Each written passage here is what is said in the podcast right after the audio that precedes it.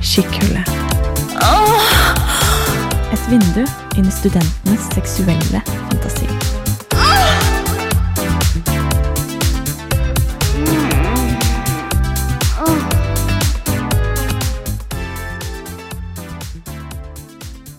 Dette er et Radio Revolt-produkt. Episoden er skrevet av Anders Olai Nerland Kruse, produsert av Synne Høyås og innlest av Arian Banitalevi. Den er for lang. Hun lo av meg første gang jeg sa det. Men den er jo det. Proporsjonene er jo helt på skeiva. Det hjalp ikke til gram. Hun bare så på meg og smilte. Det heter seg at en sommerfugls vingeslag kan skape orkaner på den andre siden av kloden. Hå, hvilke stormer hun kunne vekke i meg med et slag av øyenvippene. Hun hadde aldri hørt den før. Jeg elsket Chobet. Det er for så vidt fremdeles, dog ikke like intenst som før. Ettersom jeg ble eldre, virker det som om all elskov forvitrer og dør hen. Men før flommet jeg over av kjærlighet. Kjærlighet for alt verden rommet. Alt som rørte seg, og som rørte ved meg. Schuberts pianosonate i B-dur har alltid fascinert meg. Det er noe ved den. En feilaktighet det er umulig å peke på. Ufattelig vakker. Men noe er feil. Dypt i musikkens indre. Den er for lang. For skjev. For For lik menneskene selv. For lik livet, med sine kriker og avkroker. Plutselige, brå vendinger. Ufullstendigheter. Den er for lang. Chobet vil si så mye med den. Du kan ikke slippe unna verden inn, for i Chobets musikk speiler eksistensen seg. Hun måtte høre den live, bestemte jeg meg for. Leon Fleischas innspilling, som jeg hadde forelsket meg så dypt i, er som gull spunnet ut fra fingrene og ned i vinylen. Men det hjalp ikke, og jeg elsket henne for høyt. Og elsket musikken for høyt, for ikke å forsøke å forene. Så en kveld i august dro vi på konsert. Jeg husker ikke lenger hvem som spilte, og hva annet som var på programmet den kvelden. Men bare i det bitte lille lokalet hadde noen presset inn et piano, og en eller annen engel hadde kommet ned fra himmelen for å gi oss Schuberts sonate som offergave. Og jeg husker buksene kjæresten min hadde på seg. De var litt keitete, akkurat som henne. Passa liksom aldri helt. Gamle dongeribukser, kjøpt på Fretex, med lapper på knærne, og ei gammel band-T-skjorte. Grateful Dead, kanskje. Eller Led Zeppelin. Jeg forelska meg i hvor uperfekt hun var, og hvor ekte hele dette mennesket som da satt ved siden av meg, i en sliten bokbar, var. Pianisten kom inn på scenen litt etter tida og sa ikke et ord. Hun bare satte seg ned ved klaveret. Jeg husker ikke hva annet hun spilte. Sikkert noe av Chopin eller Brahms. Sånne komponister som pianister elsker, for de får lov til å vise seg fram. Slik er ikke Schubert. Schubert kom sist inn i konserten. Første satsen er den lengste. 20 minutters englesang. Du blir lurt til å tro den er over, mens den ennå er midt i. Men når slutten endelig kommer, er du totalt uforberedt. Jeg satt med lukkede øyne og lyttet til musikken blande seg med fuglene og den skjøre vinden utenfor, da noe strøyk meg over håndbaken. Jeg slo øynene opp og så rett i min kjæres himmelblå.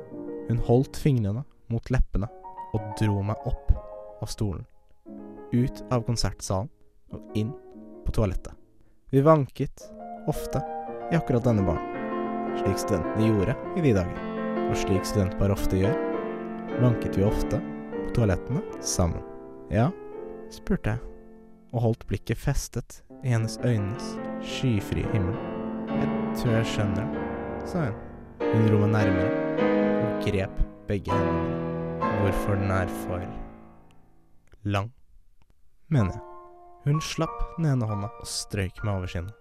Når alt annet av henne er glemt, er det dette ømme jeg kommer til å huske, som nå bare fyller meg med lengsel og melankoli. Alle mine talekunstnere forlot meg. Jeg forsvant i en verden hvor det eneste som eksisterte, var lukten av henne, hånden over skinnet og musikken som seiv gjennom veggene. Ja, nær det, var det eneste som klemte seg ut før jeg fant leppene hennes. Buken hennes inntil min, hender nedover ryggene våre, gjennom håret.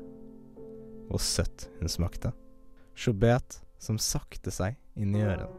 Hun strøk om ballen. Jeg rant fingerneglen rundt brystvorten hennes. Jeg var hard.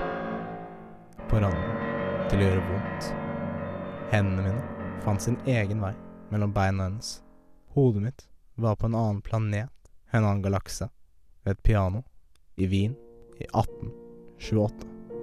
Fingrene mine snodde seg på autopilot, først under buksekanten, så bak den lille trusa hennes, og inn til sitt søte, våte mål.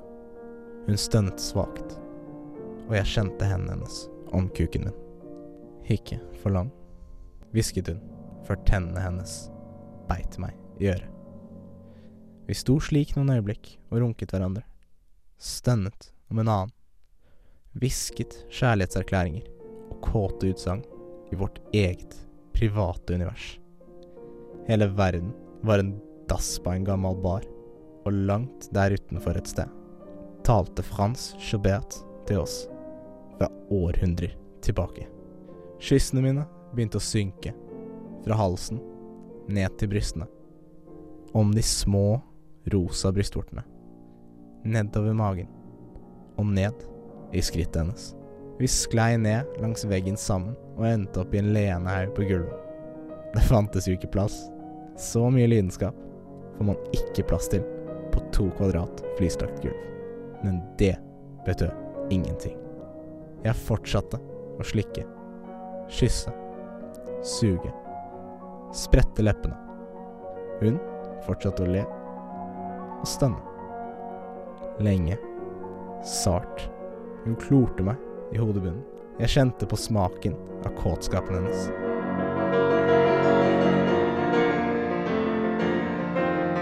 Følte på hvor mye jeg ville ha henne.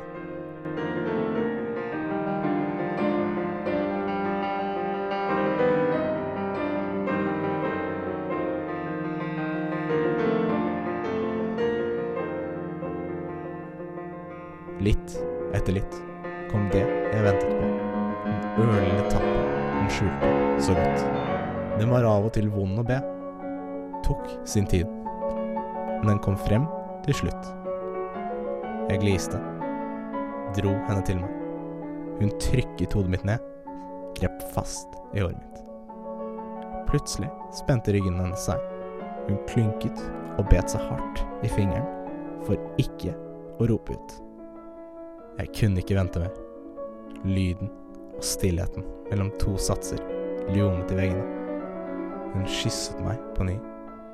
På nytt den samme søte smaken av mentolsigaretter og rødvin. Jeg kunne ikke vente mer.